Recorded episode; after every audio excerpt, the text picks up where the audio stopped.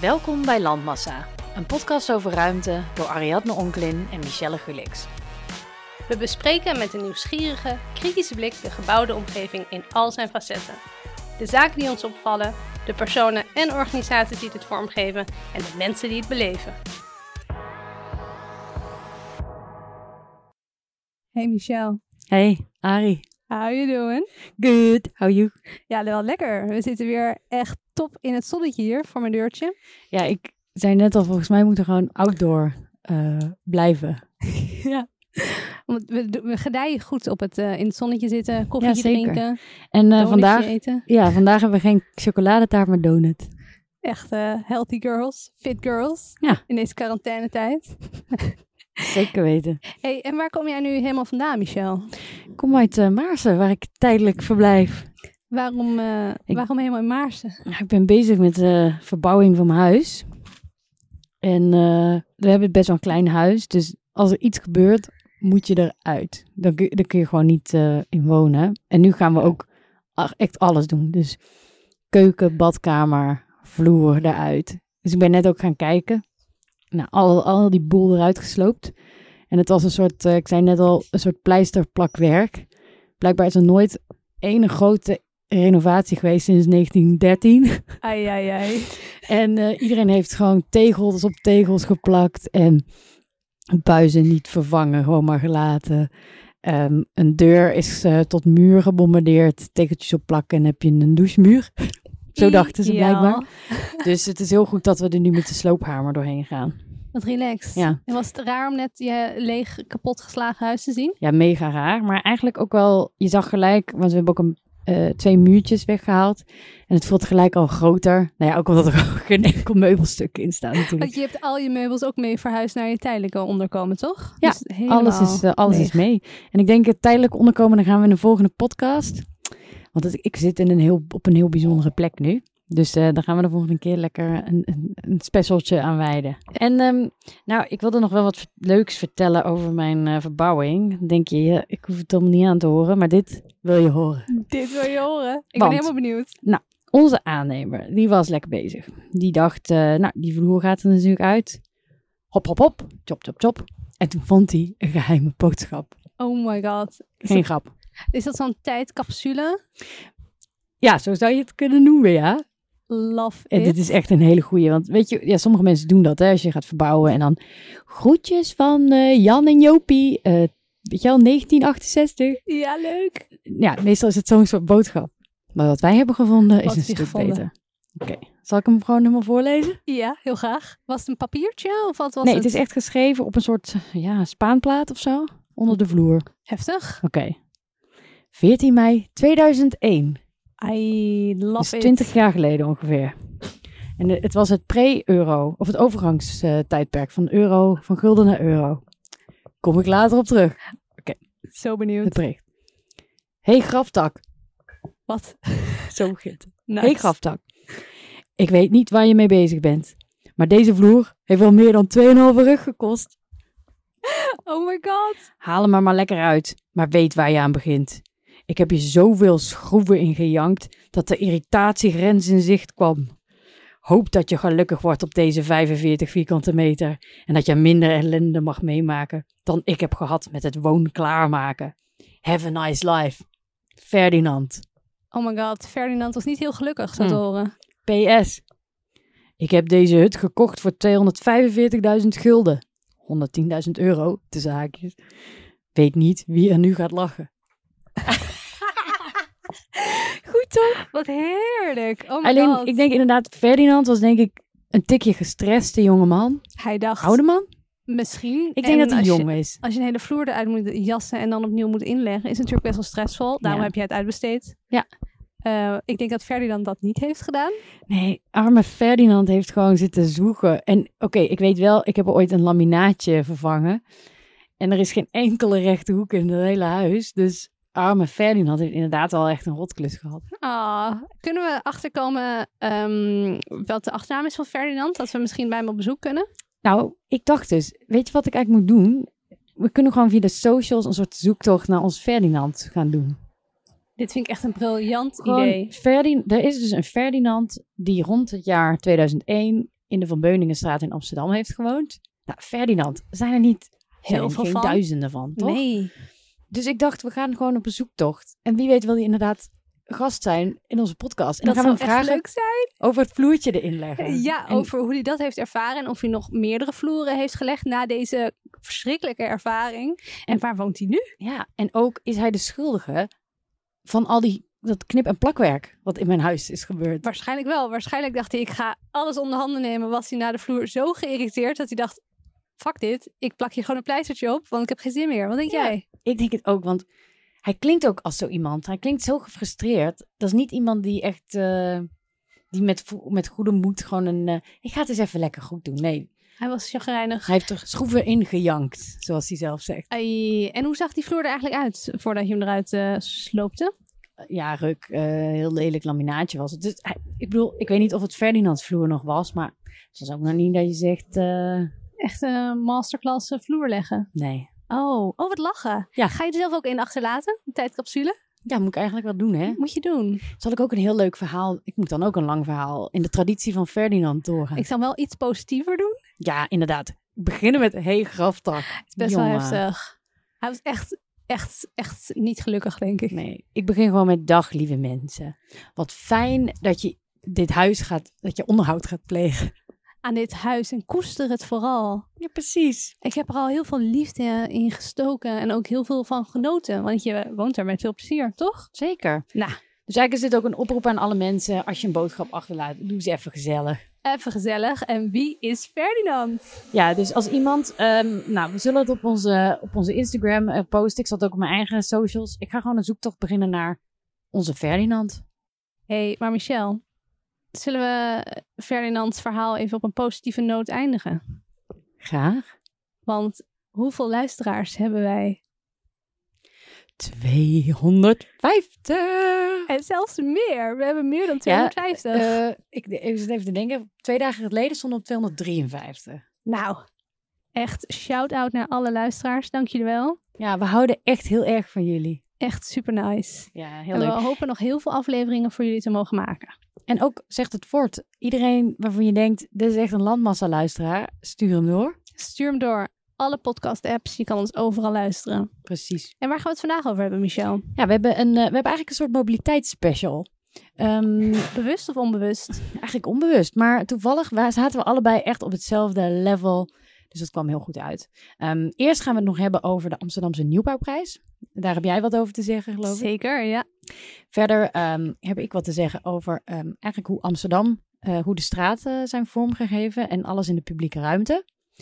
En vervolgens gaat Arie, eh, jij gaat het hebben over de A2, onze fantastische lievelingssnelweg in Nederland. Zeker. Je denkt nu, wat fuck, waarom ga je het over de A2 hebben? Maar wacht af, luisteraars. Dit wordt echt eye-opening. Let's go!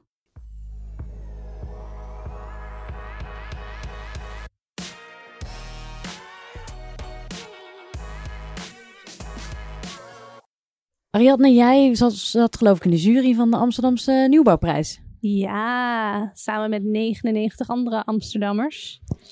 Ja. En, want hoe, hoe werkt die prijs? Nou, je kon je aanmelden als Amsterdammer. Gewoon super simpel. 100 Amsterdammers konden zich aanmelden. Was je er op tijd bij, zat je in de jury. Ideaal, easy peasy. En jij was natuurlijk een van de eerste, jij was er als de kippen bij. Tuurlijk, fangirl, huppakee. En eigenlijk wilde ik altijd wil ik in zo'n jury zitten. Dus ik dacht, ik ben helemaal blij dat ik me gewoon kan aanmelden en dat ik mee mag doen. Want wat het probleem is, wij zitten natuurlijk in het vak eigenlijk. En eh, bij ons vorige werk bij Arkham, het architectuurcentrum van Amsterdam, die organiseert ook elk jaar een architectuurprijs. En die hebben ook een publiek jury. Maar daar mogen wij niet aan meedoen, omdat wij zelf in het vak zitten. Dus moet je gevraagd worden voor de vakjury. Ja, ik denk, weet je, ik denk dat we volgend jaar wel op dat niveau zitten hoor. Dat we gewoon eh, als duootje mee mogen doen. Ik hoop het. Oh my god. Ja, Maar de, die nieuwbouwprijs is niet voor ehm, al. Nieuwbouw is natuurlijk heel breed. Is het echt voor alle nieuwbouw of alleen woningen?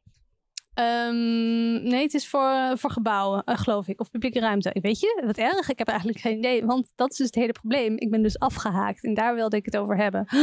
Ja, als helemaal trots jurylid ben ik halverwege de jurering gewoon afgehaakt. Want hoe, hoe verliep die jurering? Nou, Ehm, ik had me dus heel braaf aangemeld. En toen eh, moet ik even vertellen eigenlijk van wie het organiseert. Ja, doe maar. Dat is, wat is de context van deze, Ja. van deze award? Het wordt eh, georganiseerd door Amsterdam Woont. Dat is een eh, website waarin eigenlijk alle grote ontwikkelaars en ook gemeentes zijn bij aangesloten. Eh, voor heel de MRA-regio, heel de metropoolregio Amsterdam. En ehm, iedereen plaatst daar zijn nieuwe nieuwbouwprojecten op. Je kan ook van de nieuwsbrief lid worden. En dan krijg je elke keer in je mailboxje nieuwbouw. En dan kan je inschrijven en een huisje kopen. Dat is een beetje het idee. Ehm, elk jaar organiseren zij dus een, de Amsterdamse Nieuwbouwprijs. Eh, ik ken het via AT5, want dat is ook aangesloten erbij. Eh, alle nieuwbouw kan dan, van dat jaar kan dan die prijs winnen. En dan heb je een publieksprijs en daar heb ik me dus voor aangemeld. Nou, ze hebben dus 50 projecten geselecteerd. En daarvan krijg je per jurylid krijg je er 10 eh, te jureren. Dus eh, ja, gewoon trekken ze uit de bak als een bingo, denk ik, weet ik veel. En dan krijg je er 10. Maar toen dacht ik, superleuk, ik krijg, zeg maar zeggen, heel veel plaatjes, plattegronden, verhalen van de architect, verhalen van een bewoner, gewoon hele mikmak. Maar ja, ik kreeg dus ehm, tien eh, gebouwen toegestuurd. Of nou, het was een soort van formulier. En dan kreeg ik één plaatje van de buitenkant van het gebouw. En een tekstje van nog geen 200 woorden, denk ik. Waarin heel kort stond: Dit is, eh, zijn woningen, zijn ontworpen door deze architect. Eh, het ziet er zo uit omdat puntje, puntje. En het sluit aan bij de omgeving, puntje, puntje, puntje. En dat was het. En toen moest ik allemaal vragen gaan beantwoorden op de basis van die Dat- informatie. En, en wat voor vragen kreeg je dan? Nou, ik heb er eentje opgeschreven. Ehm, in welke mate sluit het woningaanbod van het project aan bij de behoeften van Amsterdammers? Ja, maar Zo van, weet ik veel. Ik heb 200 woorden aan tekst gekregen en je geeft me eigenlijk in het hele tekst wordt je gestuurd richting antwoorden. En dan moet je sterren geven, 1 tot en met 10. En dan denk ik, ja, nu ben ik natuurlijk dan de Amsterdammer, dus ik snap dat ik die rol op me neem. Maar ik weet te weinig van dit project om hier een goed antwoord op te geven. ja, want hoe weet jij nou wat, wat de woningbehoefte is van Amsterdam precies? Precies. En hoe dit, wat de achtergrond is van dit gebouw, hoe de ontstaansgeschiedenis is. Wanneer het, want dat, dat speelt ook mee. In welke tijd is het gebouwd? Of is, is het plan eh, eh, ont- ontwikkeld? Wat waren de eisen? Wat is de bouwenvelop? Wat, eh, gewoon Plattegrondje is ook wel handig. één mini-plaatje wat je niet eens kon vergroten. Het was echt een mini-plaatje Oh. van, van het exterieur. En ik was echt van heel sad. Ik was echt gewoon heel erg teleurgesteld eigenlijk. Ja, dus toen ehm, ben ik afgehaakt. Want ik denk, dat is ook zo'n gemiste kans. Want ik denk, het leuke aan zo'n publieksjury is dat je heel veel mensen de kans krijgt om zich te verdiepen in een bepaald gebouw. Waardoor je beter begrijpt waarom het eruit ziet zoals het eruit ziet. Maar hier, hier beoordeel je dus inderdaad op de gevel. Ja, en op basis van de informatie die je geleverd krijgt, wat natuurlijk logisch is, maar dat kan je niet beoordelen op basis van 200 woorden. Dat kan niet. Nee. En je wordt natuurlijk in dat tekstje heel erg gestuurd. Van, er was, eh, deze woningen zijn gebouwd voor de expats en ze zijn high-end. En dan vraagt ze natuurlijk ook zo van, ja, hoe sluit het aan bij de behoeften van de Amsterdammers? Nou, bij mijn behoefte, ik ga niet in een high-end eh, woning wonen, want ik kan dat niet betalen. En B, ik ben ook geen expat. Dus voor mij is dan één ster. Maar dan denk ik, maar ik denk dat er veel groter verhaal achter ligt. Ehm, en dat, er dus, dat het wel aansluit bij een behoefte, maar die informatie krijg je niet. Wat Ja. raar, ik vind het ook sowieso een rare vraag of zo. Want ehm, dat wordt heel vaak ook door de gemeente gewoon voorgeschreven. Van hier moet, eh, ja, Ja. hi- hier moet zo'n soort type eh, eh, woningbouw komen. Of hier, moet, hier, moet een, hier moeten drie winkels komen. En een ja, hoe kun, je dan, hoe kun je dan een plan beoordelen op wat eigenlijk al vast ligt? Precies. En ja, dus nou, ik was dus een beetje Hè, teleurgesteld. wat- Jammer, hè? Wat shit. Ja, ik vind echt een gemiste kans. Ja, echt een gemiste kans. Maar ehm, bij mijn oude werk heb, dienen we ook altijd veel, eh, veel van onze projecten in voor awards. En sommige zijn echt heel leuk en heel goed. En dan gaat gewoon inderdaad een jury op pad. En dat wordt gewoon heel kritisch bekeken. En je krijgt een juryverslag bijvoorbeeld op het einde. Nou, dat is heel waardevol en ook heel erg leuk dat dat gebeurt. En het is goed voor onze profilering van, eh, van zo'n bureau. Maar sommige awards is letterlijk inderdaad dat, dat mensen gewoon... Ik moet een paneeltje maken met een tekstje van 100 woorden. Drie plaatjes en en that's it. En dan moet er dan een jury, internationale jury, die niks weet over de context van zo'n stad of van het project. En wat is dan zo'n prijs nog waard? Vraag Precies. me dan af. Ja. En vaak moet je dan ook betalen om deel te nemen als architectenbureau. Dus dan betaal je Niet. eh, 300 euro om gewoon mee te doen. En dan weet je niet of je wint, maar... Of je hebt awards waarbij je, hoe meer je betaalt, eh, hoe, hoger, hoe hoger jouw eh jurering is. Die heb je gewoon. Niet. Ja, Oh my god. Ja, erg, dat vind ik wel erg. Ja, ik wou gewoon Amsterdam Woont meegeven van... jongens, ik vind het heel leuk dat jullie 100 Amsterdammers vragen. Vind ja, dat vind ik ook echt tof. echt tof. En je hoeft niet moeilijk te doen met een essay... en te beargumenteren waarom je in vredesnaam in aanmerking zou moeten komen om deel te nemen. Dus ik vond dat heel laagdrempelig en heel toegankelijk. En ik dacht, nou, nu kan, kunnen echt 100 verschillende Amsterdammers meedoen. Maar ja, volgend jaar iets meer input. En dan probeer ik, ga ik me gewoon opnieuw aanmelden en ga ik het opnieuw proberen. Goed zo. Maar misschien moet je ook gewoon nu een mailtjes naar ze sturen van... hey, eh, tip, doe het even wat beter. Ik ga dat doen.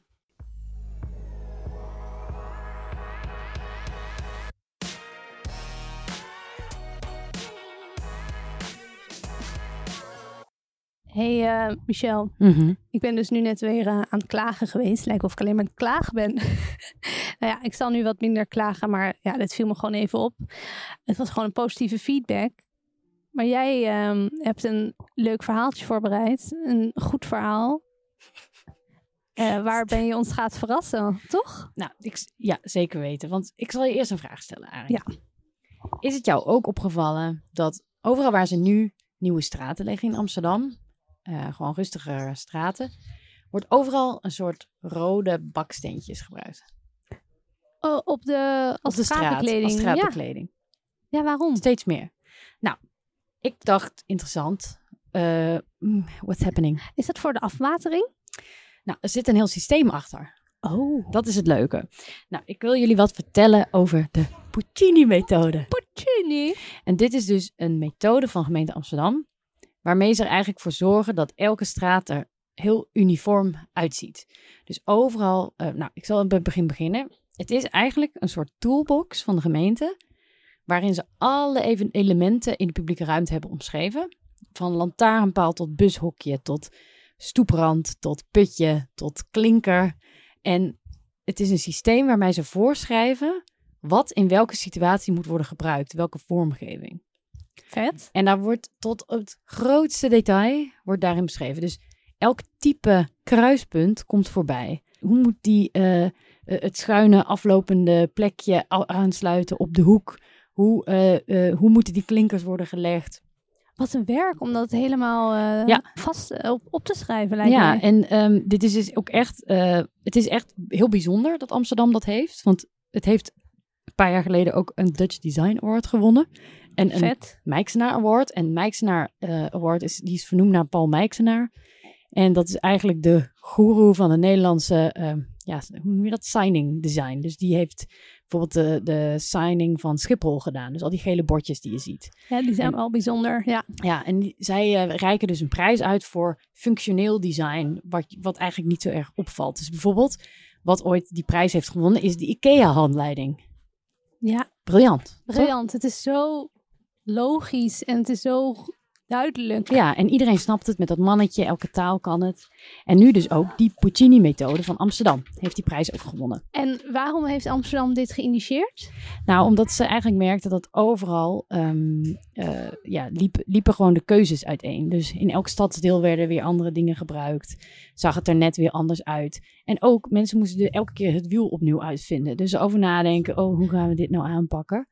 En bovendien kost het best wel veel geld. Want elke keer als bijvoorbeeld in eh, West een putje moet worden besteld, maar het blijkt dat ze er in Oost ook acht nodig hebben en ze weten dat niet van elkaar, dan kost het dus heel veel geld om het extra te bestellen, terwijl ze nu groot kunnen inkopen. Wauw, Oké, en die, nice. oké, waarom heet het de Puccini-methode? Vertel. Oké, dit is een goed verhaal. Dus ze hadden overleg elke keer over die hele methode. En ze zaten dus op het Waterloopplein. En daar vlak in de buurt zit een bonbonzaak. En die heet Puccini.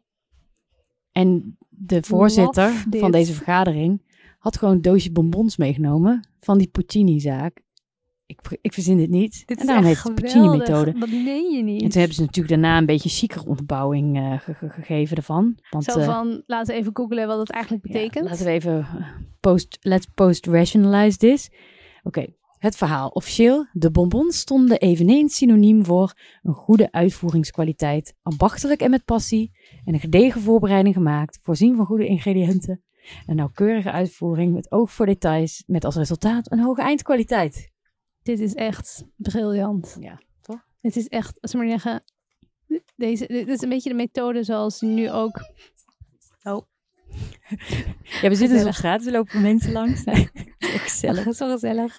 Maar dit is een beetje zoals, ik heb ehm, anderhalf jaar bij de Rietveld Academie rondgewandeld voor een onderwijsprogramma vanuit de universiteit. En daar gingen we ook kunst maken.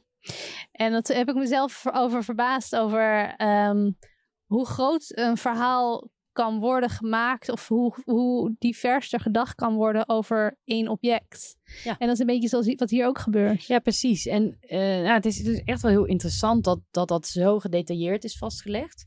En dat het ook heel breed gedragen is. Want ze hebben dit dus echt opgezet, dit hele systeem, samen met mensen van het onderhoud, met ontwerpers, met ambtenaren van de gemeente. Dus ze hebben echt iedereen eh, meegenomen in het verhaal. Dus daarom wordt het ook heel wordt het goed opgepikt. En bijvoorbeeld, mm, er, wordt ook verteld, het is niet alleen maakt het, maakt het ervoor dat bijvoorbeeld die rode klinkers overal waar bijvoorbeeld een 30 kilometer weg is, wordt tegenwoordig die. die de, de- Dus dan wordt het gewoon heel herkenbaar voor de Amsterdammer. En het straatbeeld wordt ook een stuk, een stuk rustiger. Omdat je altijd soort Ja. eh, snapt wat er, wat er gebeurt. En ze hebben ook bepaalde zones aangelegd in de stad. Dus in het centrum gebruiken ze dit materiaal. De ring daarbuiten wijken ze er net wat van af. Omdat daar de situatie anders is. Is dat in, in Amsterdam Centrum hebben ze eh, die stoepranden zijn van het hele gladde Precies. natuursteen? Precies. Omdat dat beter past bij die specifieke context. En verder uit, dan wordt het beton. Ehm, ja, en zo gaan ze verder. Fantastisch. Eh, nou ja, financieel is het dus ook interessant, want ze hebben bijvoorbeeld met de inkoop van fietsnietjes, weet je wat het zijn? Dat zijn ja, die ja. fietsenrekken die eruit zien als een nietje, die hele simpele. Hebben ze in één jaar 75.000 euro bespaard door dus in één keer een grote bulk te bestellen. Wat Nou ja, fijn. Dus Nou, dat is eigenlijk ook gewoon top, toch? zijn onze Nou ja, ik denk dat het ook belastingcent, belangrijk toch? Huppakee. Is. Er zit ook nog een financiële component aan. En ehm Wat nou ja, vond dus de bonbonzaak ervan? Goeie vraag. Moeten we eigenlijk gaan vragen? Ja, zou- zou- zouden ze het weten dat het vernoemd is naar hun bonbons? Moet wel bijna, Wel, toch? hè? Ja. Maar ik vind het echt, eh, eh, ja, het is dus echt een heel top ontwerp waar je eigenlijk, eh, waar iedereen de hele dag tegenaan kijkt. Wat leuk. Oké, en nog een leuke iets aan Ja. de Puccini-methode. Vertel. Er is een Puccini-tuin. Waar? In Amsterdam Nieuw-West hebben ze een soort showroom, een, een, een, een soort groot terrein. En hebben ze dus elk elementje, hebben ze een exemplaar van. Zodat je dus kan zien, oh ja, zo ziet dit eruit. Dus je hebt een soort, er zijn wat fotootjes van, die zullen we ook in de, in onze Show notes. eh, ja, in de show notes plaatsen. Dat er dus, ehm, dan zie je gewoon een stoeptegel en je ziet allerlei lantaarnpalen. En je ziet, het is gewoon een soort, eh, ja, een show, outdoor showroom van de Puccini. Wat leuk. Geinig toch? En dan, wat leuk. Dan kunnen wij daar als, zeg maar zeggen, als gewone inwoner van Amsterdam ook een kijkje nemen? Of moet je daar ambtenaar zijn bij de gemeente? Ik denk dat je ambtenaar moet zijn, want het is eh, in beheer van de, ja, van, van de gemeente. Maar ik denk, misschien moeten we ook even vragen of we gewoon een keer mogen gaan kijken. Zullen we dat doen? Want ik ben echt heel erg benieuwd. Ja, ik wil het ook. Hoe leuk. En ehm, het is wel tof hoor. Er is een eh, podcast die ik vond, eh, ongesigneerd. En die hebben ook één aflevering, daar hebben ze het helemaal over de 30 bij 30 stoeptegel. Goed Ja. onderwerp, echt leuk. Wij zitten er nu op trouwens. Nu ik ja, klopt. Ehm, maar, ehm, en daarmee hebben ze het ook even over de Puccini-methode. En dan gaan ze ook op bezoek in de tuin. Dus als je meer wil weten en dat even wil meekrijgen. Dan, Laten we daar even naar verwijzen in onze show notes. Wat leuk. ik had wel, wat ik ook had met die Puccini-methode. Het verbaasde me ook wel dat het dus zo bijzonder is. Dat blijkbaar steden dus niet per se centraal bepalen ehm, hoe, hoe het stadsbeeld eruit moet zien. Maar is dit vanuit de... Want het heeft dus een eh, kostenplaatje. Het heeft een rustig effect voor de inwoners. Maar is dit geïnitieerd vanuit ehm, het ambtenarenapparaat of vanuit de politiek? Wat, Ja, vanuit de, nou ja, vanuit de gemeente, voor zover ik kan zien. Maar ja, wie precies echt de initiator is, weet ik niet. wat leuk. Dit is, vind ik wel echt nice. En kunnen we dit gewoon terugvinden op, op de internet? eh? Je kunt, oké, dat is ook het leuke. Je kunt dus die hele Puccini-methode, het is echt een boekwerk van honderden pagina's. Ja. En je hebt er één voor groen, ook, want het groen in de stad wordt ook helemaal eh, beschreven. En een andere met alle lantaarnpalen. En het gaat echt, detailniveau zal je echt verbazen. Dus ehm, ik zet de link ook uh, zet ik in onze show notes. Want je, het is echt heel grappig om eens een keertje door te bladeren.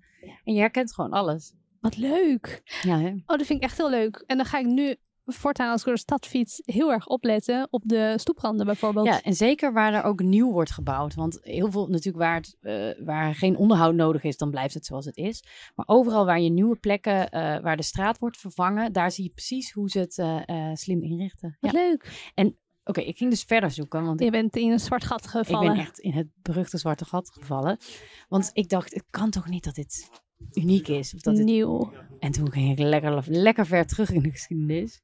Waar ben je uitgekomen? Bij de Romeinen. Ai, je bent ver Love gegaan. it. Nice. Maar die hadden dus ook zoiets. Oké, okay, iets minder gedetailleerd. Maar ik ging hier echt heel goed op. Die hadden eigenlijk ook een soort Puccini-methode. Oké. Okay. Vertel. Want blijkbaar werd dus ook centraal geregeld in het Romeinse Rijk dat elke weg 4,2 meter breed was. Omdat dat gunstig was voor karren en andere dingen die elkaar dan konden passeren. Fantastisch. En hoe dichter Romeinse wegen bij de stad kwamen, hoe fancier het materiaal wat ze dus gebruikten. Dat zat er Oh. ook in. En uh, ze hadden dus ook een soort een stoep. En elke drie tot vijf meter plaatsten ze ook een hoger blok in de weg, waardoor karren niet op het voetpad konden. En dat je rustig kon uitstappen en veilig kon uitstappen. En dat werd dus allemaal centraal ook geregeld. Dit is fantastisch. Dus eigenlijk is het gewoon. Uh, het is gewoon, we hebben weer even naar onze grote vrienden de Romeinen gekeken. Ja, zo heerlijk. Dat is leuk, want ik ben dus um, vorig jaar of een paar jaar geleden ben ik in Pompeii geweest. En toen viel het me al op dat ik het, um, je hebt al die wegen. Daar zie je nog heel goed die karrensporen in, helemaal versleten in de stenen. En je hebt inderdaad om de zoveel meter een soort van stapsteen middenin op de weg. En dat is op dezelfde hoogte als de stoep.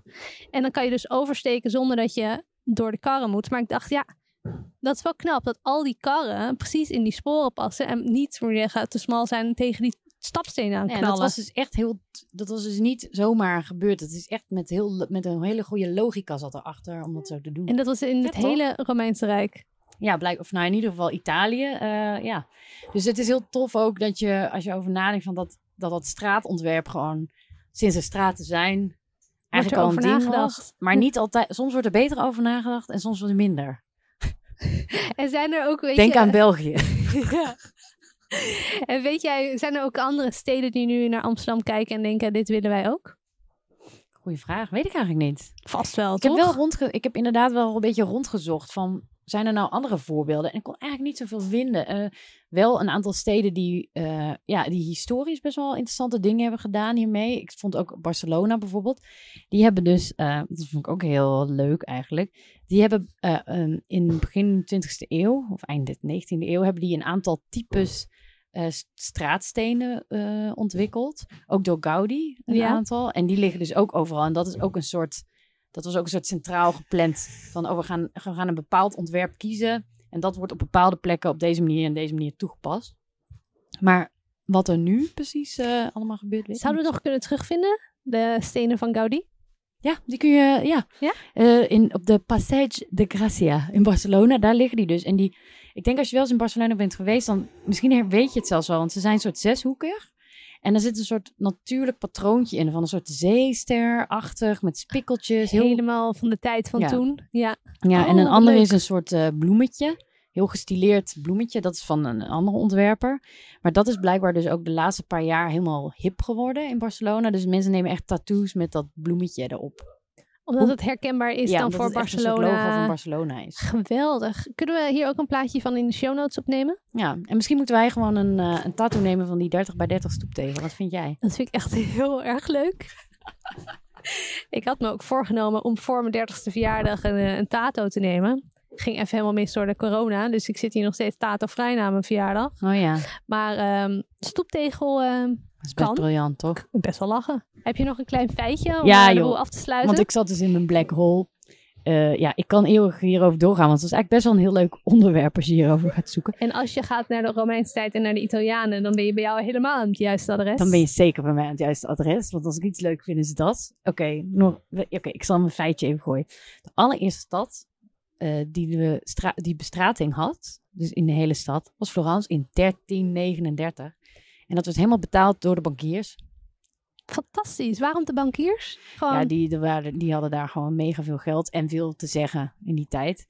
En blijkbaar leverde dat dus ook dat dat heel erg bijdraagt aan de rijkdom en de efficiëntie van zo'n stad. Want het is hygiënischer, het is schoner, het is sneller. Ehm, ja, een goede investering. hele goede investering.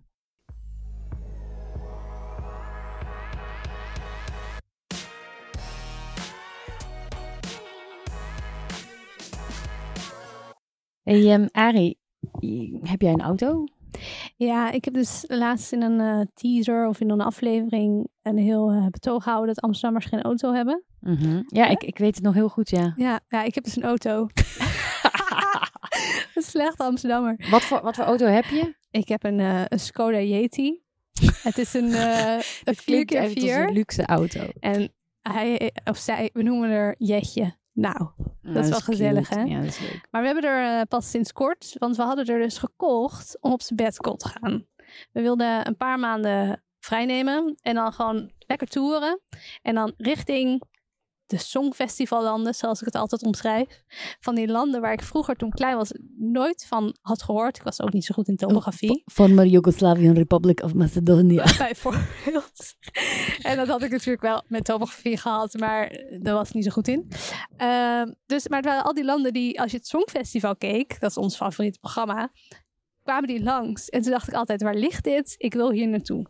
Nou, dat was het hele plan. We gingen naar de Songfestivallanden met onze jetje, 4x4, lekker door de bergen, lekker daktentje op, huppakee.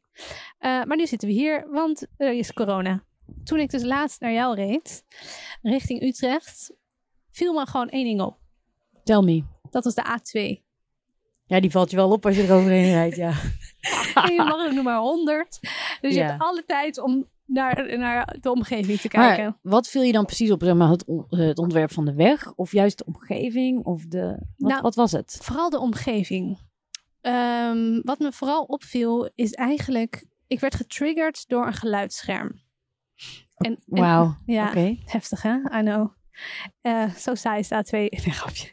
Eh, ik werd getriggerd door een, eh, een geluidsscherm dat eruit ziet als een beetje een soort van Escher-achtige vogels. Ken je Ik wel, weet hè? welke je bedoelt, ja. Ja. En toen dacht ik, wie heeft dit ontworpen? En waarom staat het hier? En waarom staat er verderop een heel ander type geluidsscherm? En waarom staan er hier wel geluidsschermen en verder niet, verderop niet? Nou, Oké, je bent op onderzoek uitgegaan. ja, dus toen ging ik googlen op A2. Toen ben ik dus ook in een zwart gat terechtgekomen. maar het was wel echt super interessant en ik ben nu helemaal enthousiast. Eh, dus ik hoop dat ik jullie ook allemaal iets ga leren en jullie ook enthousiast maak. Ehm, ik ga eerst even vertellen hoe het ontwerpen van een ehm, snelweg ook wel wordt genoemd in de terminologie. Het wordt eh mobi- mobiliteitsesthetiek architectuur genoemd. Wauw, oké. Ja, het is wel een eh, heftig woord. Ehm, en dat is dus vastgesteld in een architectuurbeleid. En nog even een leuk feitje, gewoon omdat het kan. Dat hele architectuurbeleid was dus vormgegeven in een soort van fluorgeel. Alsof je een soort veiligheidsvestje hesje aan hebt. Oh, dat vind ik leuk. Dat is leuk, hè? Dat is leuk. Dat is een leuk, leuk detail, vond ik ook. Nou, ik dus kijken en googelen en denken... wat is dit voor Escher-achtig vogelding? En waarom staat hier een geluidsscherm? Nou, we hebben dus de wet geluidshinder. Soms woon je dus te dichtbij bij bijvoorbeeld de A2... en is dus zo'n geluidsscherm handig om die decibellen te reduceren. Er zijn allemaal verschillende ontwerpen in geluidsschermen. En daar ga ik jullie niet mee eh, vervelen. Inderdaad, en het zijn zoveel verschillende types. En soms is het met groen en soms is het met hout. Soms Ja. is het zo'n lelijke plastic, eh soort doorschijnende. Kap wel. helemaal over je heen. Het was echt... Ja, Maar dat is ook... wildgroei. Ja, wildgroei. En je hebt ook dus de ene geluidsscherm absorbeert het geluid en de ander weer kaatst het. En het heeft dus ook met de hoogte te maken over hoe ver het wordt gekaatst. Het is echt hogere wiskunde. Ik zal wel even een linkje doen in de show notes. Of kijk voor even, degene die voor echt een degene- passie heeft voor geluidsschermen. Juist. Of ga even naar de Wegenwiki. Wist je dat dat bestaat? Oh, de Wegenwiki. Nee? Moet je ook even kijken. Wat voor gekkies zitten daarachter? Wat- Echt hè? Wauw, love it. Echt love it. Nou ja, je kan dus jezelf helemaal hierin verliezen. Heb ik niet gedaan. Ik ben een andere kant op gegaan. Ik ging dus lekker in die A2 verder. En ehm, Oh, er komen even even wat skaters langs. langs. Nice. Decibellen. Oké, Je moet hier even een geluidsschermpje voor je huis knallen. even een dove Al die skaters. Al die skaters. Zoveel herrie. Herrie. Nou, de A2. De A2 loopt dus helemaal naar Palermo. Helemaal naar Italië, wist je dat? Zalig. Dus je kunt eigenlijk een roadtripje doen. Ja. Oké. Je start dan hier in Amsterdam bij de Utrechtse brug. Dan rij je zo uit de Rijnstraat Hub, die Utrechtse brug over. Alleen maar rechtdoor. Je moet eventjes in Maastricht, Maastricht geloof ik, nog even stoppen voor het stoplichten. En dan Ja, rij je lekker door. De A2 wordt dan de E25. Gewoon, je zet gewoon je, je cruise control aan en je bent zo in Palermo. Nou, dat vond eh, Rijkswaterstaat. Oh, ja, Die vond, Zaterdag, ja. Rijkswaterstaat, die vonden dat dus ook wel interessant. En eh, die dachten, joh, die A2, het is zo'n eclectisch ontwerp. Ehm, we moeten er iets mee. Laten we even een blikje architect opentrekken. Nou, dat hebben ze dus gedaan. En dan hebben zich eh, drie architectenbureaus over de A2 hebben zich daaroverheen gebogen. En die hebben zich verenigd tot architecten samenwerking A2. Nou, ze hadden vier uitgangspunten vastgesteld. Je moet de rivieren die je kruist ervaren. Want je rijdt over de Lek, de Waal en twee keer over de Maas. En de rivieren worden de iconen van het landschap. En die worden dan bekroond met iconische bruggen. Tweede uitgangspunt is het versterken van diversiteit. Ehm, en daar bedoelen ze mee overgang tussen stedelijk land, stedelijke en het landschap. Derde is het bewaken van de kwaliteit op het trajectniveau. Eh, dus herkenbare elementen van een traject gebruiken in de vormgeving. Dat het iets zegt over de plek waar je rijdt. Zo van, oh ja, ik ben nu bij Opkoude, want dat herken ik omdat puntje, puntje, puntje. Weet je wel zo? Ja, inderdaad. Dat is wel een goeie, want anders denk ja, als je overal elke keer hetzelfde, dan is Ja. het heel, heel saai. Ja. Ja, dan ben je een beetje kwijt waar je bent. Zo, Ja. moet ik er hier nou af of eh, verderop? Mhm. Ja, het vierde punt is het creëren van een front voor de grote steden, zodat je grote steden kan herkennen. Nou, toen zijn ze dus verder gegaan en toen hebben ze dus die A2 in 18 trajecten weten te knippen. En het stukje tussen Amsterdam en Utrecht rijden elke dag 200.000 auto's. Jezus. Dus het zijn heel veel mensen. echt zoveel eigenlijk. Ja, dus je ontwerpt echt voor heel veel mensen. Ja. Ehm, dus dat vind ik wel. Het is eigenlijk een mega billboard wat je ontwerpt. Want je kijkt er de hele tijd naar en het is in your face. Ja, en je moet dat gewoon, als je onderweg bent naar je werk bijvoorbeeld, of naar je schoonfamilie of weet ik veel wat, dan moet je ontspannen op weg zijn en niet zo zeggen gestrest zijn door, door je reis. Dus daar Mhm. hebben ze dus ook aan geprobeerd te ontwerpen. Over alles is nagedacht. Het is echt bizar. En daar moest ik wel een beetje aan jou denken, aan je Puccini-methode. Elk viaduct, elk tennetje- tunneltje, elk onderdoorgang, elk geluidsscherm, elk ecoduct, de verlichting en zelfs de informatiemeubels op picknickplekken. Allemaal over nagedacht. Zo chill. En alles is dus ook op elkaar afgestemd. Hè? Nou, en zo hebben ze dus ook bedacht vier thema's. Mhm. Ze hebben de thema's contrast, ervaar het landschap en de stad. Dus dat je, ja, als je door het landschap rijdt, dan zie je ook echt dat je in het landschap rijdt. Toch? Ja. Ja, Ja. vind ik ook. Je ziet het groen, je ziet de koeien, je, precies, ziet de, je precies. ziet de molens. Mhm. Ehm, het andere thema is magneet. Dus het ordenen van de weginrichting. Dus eh, dat is eh, alles, alle elementen op elkaar zijn afgestemd. Ja, ja, dat het allemaal netjes in elkaar overloopt. En, en... Precies. En motief, het herkennen van de route. Maar dit is mijn favoriet. Het wow-effect. Ah, Het lekker. creëren van identiteit. Top. Ehm, daar ben ik dus even op verder gegaan. Op het wow-effect. Want ik dacht, er zitten inderdaad een paar elementen in dat weggetje die me een wow-effect geven. Je hebt rond de kersttijd heb je ook een soort van hele grote lichtjes kerstboom. Ja, dat is ja, in, een, Ha- eh, bij Nieuwegein? Dat zou wel kunnen. Ja, dat is bij Nieuwegein. Dat ja. is dus een voorbeeld van zo'n wow-effect en een herkenpunt. Maar is dat dus voor, is dat vanuit Rijkswaterstaat of hoort dat dan bij de A2? Ja, Echt? is toch hilarisch? Ik dacht dat doet gewoon die telefoon. Ja, dat is een soort grote telefoonpaal of zo die daar staat. Ja, ik dacht, maar- dat doet dat bedrijf voor de leuk. Maar dat is echt. Nee, dat is echt over nagedacht. Dat, dat je het herkent en het geeft dus een wow-effect. is toch hilarisch? heel goed. Ja, vind ik ook leuk. En eh, nou, ik, ik begon dus bij die Escher-achtige eh, geluidsschermen. En toen dacht ik, wat is dit dan? Wa- Wat, dit is ook onderdeel van een wow-effect. Ehm, dat Escher-achtige vogelpatroon krijg je geloof ik in Maastricht weer, maar dan net iets anders. Er zijn de kopjes van de vogels eraf gehakt of zo, en dan, maar toch is het hetzelfde patroon. Lachen. Het is dus een relief. ehm, en het is ontworpen door de architect Aletta van Aalst. En ehm, Ze heeft dus voor het ontwerp gekozen voor een trekvogel.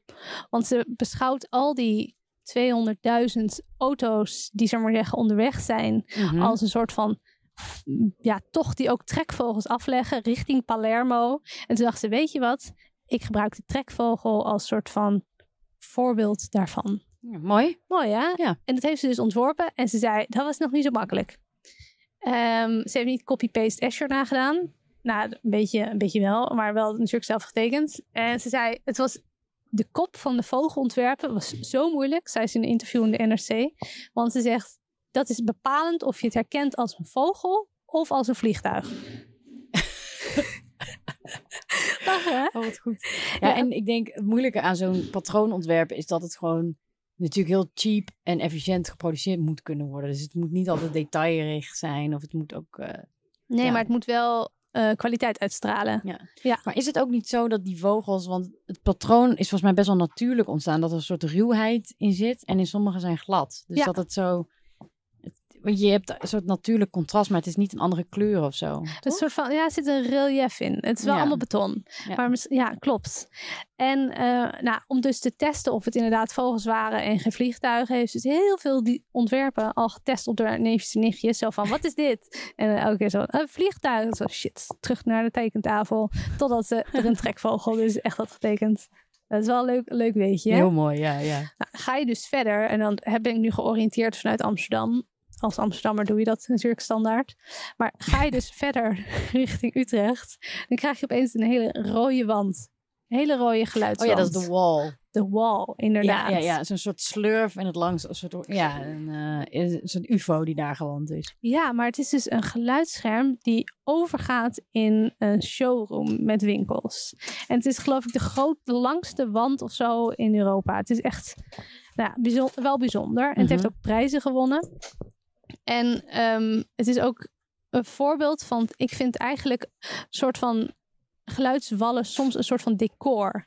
Ja. En, en dit is zo zeggen wel, je wordt echt meegenomen. En aan het einde verderop heb je een soort van diamantvormig gebouw. Nou ja, dat is ook een soort van wow-effect, toch? Oh ja, ja. Ik weet wat je bedoelt. Ja. Eh, ik weet niet hoe die heet, maar ja. Ja, lachen. Maar het is ook wel goed, in het, want inderdaad, nu je het zegt, van het kondigt wel Utrecht aan. Je weet als je dat ding ziet, oh ja, we zijn er bijna. Ja.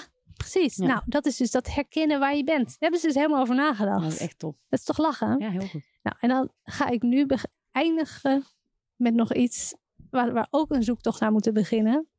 We hebben dus Ferdinand, waar we een zoektocht naar starten. Maar we, ze gaan ook een zoektocht starten naar de maker van een landart kunstwerk. Welke? Nou, in, bij, ja, aan de A2 staat dus een landart kunstwerk. Er zijn er meerdere, maar eentje daarvan, die heb ik inderdaad heel vaak gezien. Ik laat je even een plaatje zien. Ik heb een screenshot gemaakt van de Street View, Google Street View. Oh, een soort eh, inkeping in een eh, heuvel of zo? Ja, ze hebben een heuvel opgegooid met gras laten groeien. En een soort van uitsparing gemaakt alsof Mozes de, de zee splijt, maar dan de aarde. En dan met golfplaat afge, afge, En, en waar is het ergens op de, op de route? een knooppunt A9, A2. Dus het is echt Amsterdam en dan heb je knooppunt A9, Holendrecht Oh. geloof ik. Oké. Nou, daar is dus, dat is dus een landart kunstwerk. Ik heb daar dus best wel vaak, mijn tante woont in Utrecht, dus ik heb die weg vroeger als klein kind heel vaak gereden. Elke keer dacht ik, wat is dit? Ik dacht gewoon, het is een ophoging van extra grond. Of Ja. er komt, ze gaan er een, is een tracé voor een nieuw stukje weg.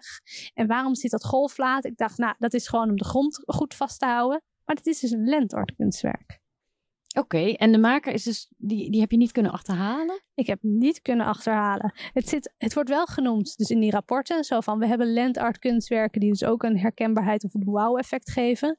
Maar geen idee wie het heeft gemaakt. En toen ben ik dus heel erg gaan googlen. En dan kom je alleen maar terecht bij andere kunstwerken langs de route. En deze kan ik gewoon niet vinden. Kan niet vinden. Wat mysterieus. Spannend, hè? We gaan het opzoeken. Misschien weet een van onze luisteraars het wel. Ja, ik ga even een fotootje in de show notes plaatsen. Ehm, ja, ik hoop dat jullie het weten. Want Ja. het zou wel leuk zijn een beetje shout-out doen naar deze persoon die dit heeft ontworpen. Ja, heel cool. Cool, hè? Ja. Zelfs Wegenwiki wist het niet. Is het ook jouw favoriete moment in de A2? Heb je, heb je een soort favoriete stukje? Nou, eh, nu, nu is dit wel een van mijn hoogtepunten. Omdat ik nu elke keer ga denken, wat is dit toch? Ja. Omdat ik het nu weet. Ehm, maar ik denk dat ik dat... ehm, diamantvormige gebouw altijd fascinerend vind. Mhm, mhm. Eh, de Escherwand, maar je hebt verderop de A2 bij Den Bosch. Dat ken jij goed, hè? Daar heb je ook ik. een bijzonder stukje. Ja, daar zit een heel stuk en dat is een soort neon geel-groen. Echt een soort ja, acid kleur. Tenminste, zo kan het niet beter omschrijven. Ik vind dat wel een tof stuk. Ja. Ik weet dat dat is van UN Studio ook. Die Ja. hebben dat toen eh, gedaan. Ik vind dat heel cool. Het is vet, hè? En dan weet je ook inderdaad, ik ben in het bos. Ja, nou, dat is dus ook zo'n zo'n plek. Ja, en ik vind het ook wel vrolijk van, het is, ja, kijk, het is toch een stuk snelweg. Ja, waarom maken we geen neonkleurtje? Ik bedoel, Wat het gezellig. kan alleen maar gezelliger zijn. Precies. Ja. Ja. Nou, ik heb, ik heb sinds ik nu in Maarsen zit, heb ik een eh, favoriet stuk. Waar ik eigenlijk nooit zo heel erg op had gelet. Maar bij nader inzien is het zo'n bizar stukje aan de A2. Dat is bij Breukelen. Daar staat een Van der Valk hotel in een soort Chinese stijl. Weet je wat ik bedoel? Ja. Oké, en dat is een soort. Die staat op een stuk tussen de A2 en treinstation eh, Breukelen. Dus er staat een treinstation en snelweg. Daartussen staat dat hotel. Daar hebben ze ook een soort nieuwbouw aangebouwd. En even verderop ligt het parkeerterrein en een oude molen. Ja. Staat er dan ook. En een soort heel modern vormgegeven McDonald's. Ja. En dat is dan, ik ben in Breukelen, is een soort, het is een bizarre combinatie van dingen die in een soort driehoek tussen de snelweg en het spoor liggen. Lachen, hè? Ja, is echt heel Maar raar. Vroeger was dat dus, ze hebben dus heel recent, is, dit is dat eh restauranthotel dus gekocht door Van de Valk. Weet ik, want ik heb daar een interview over gelezen laatst. En hebben ze dus heel de boel verbouwd, want eerst was het nog Chinezer. En ze hebben dus uiteindelijk de iconische dakpannen gehouden, maar verder hebben ze al die elementen weggehaald. Oh, En ze hadden ook een hele Chinese tuin en zo erbij, dat is ook pleiten. echt? Ja, en hebben ze Oh, dus vind die nieuwbouw zonde. gebouwd. Ja, ik geloof dat die molen, geloof ik, er ook is voor, was voor de toeristen of zo. Die kwamen tukken Echt? daar. Ja, echt lachen. Oh, ik dacht dat het een echte molen was. En van, oh, nou ja, die stond er nog maar. Oh. Ja, ik geloof dat het wel iets mee te maken had met, met de functie van dat super hotel, restaurant wat naast staat. Maar dat is dus recent helemaal verbouwd. En die McDonald's is nieuw. Ja, het is een heel gek stukje. En vooral omdat het dus... eh, het is echt een soort niemandsland. Met een hotel. Ja, het is een heel bizar stuk. Ja. Hm. Ja, het is wel goed dat je die noemt. Dat is inderdaad een, eh, een lachen stukje. Mhm. Ja, die A2, het is dus een reiservaring, jongens.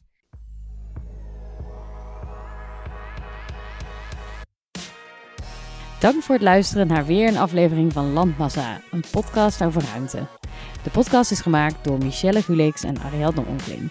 Vergeet je niet te abonneren op je podcast in je favoriete podcast-app. Volg ons op Instagram, @landmassapodcast, ook voor onze show notes.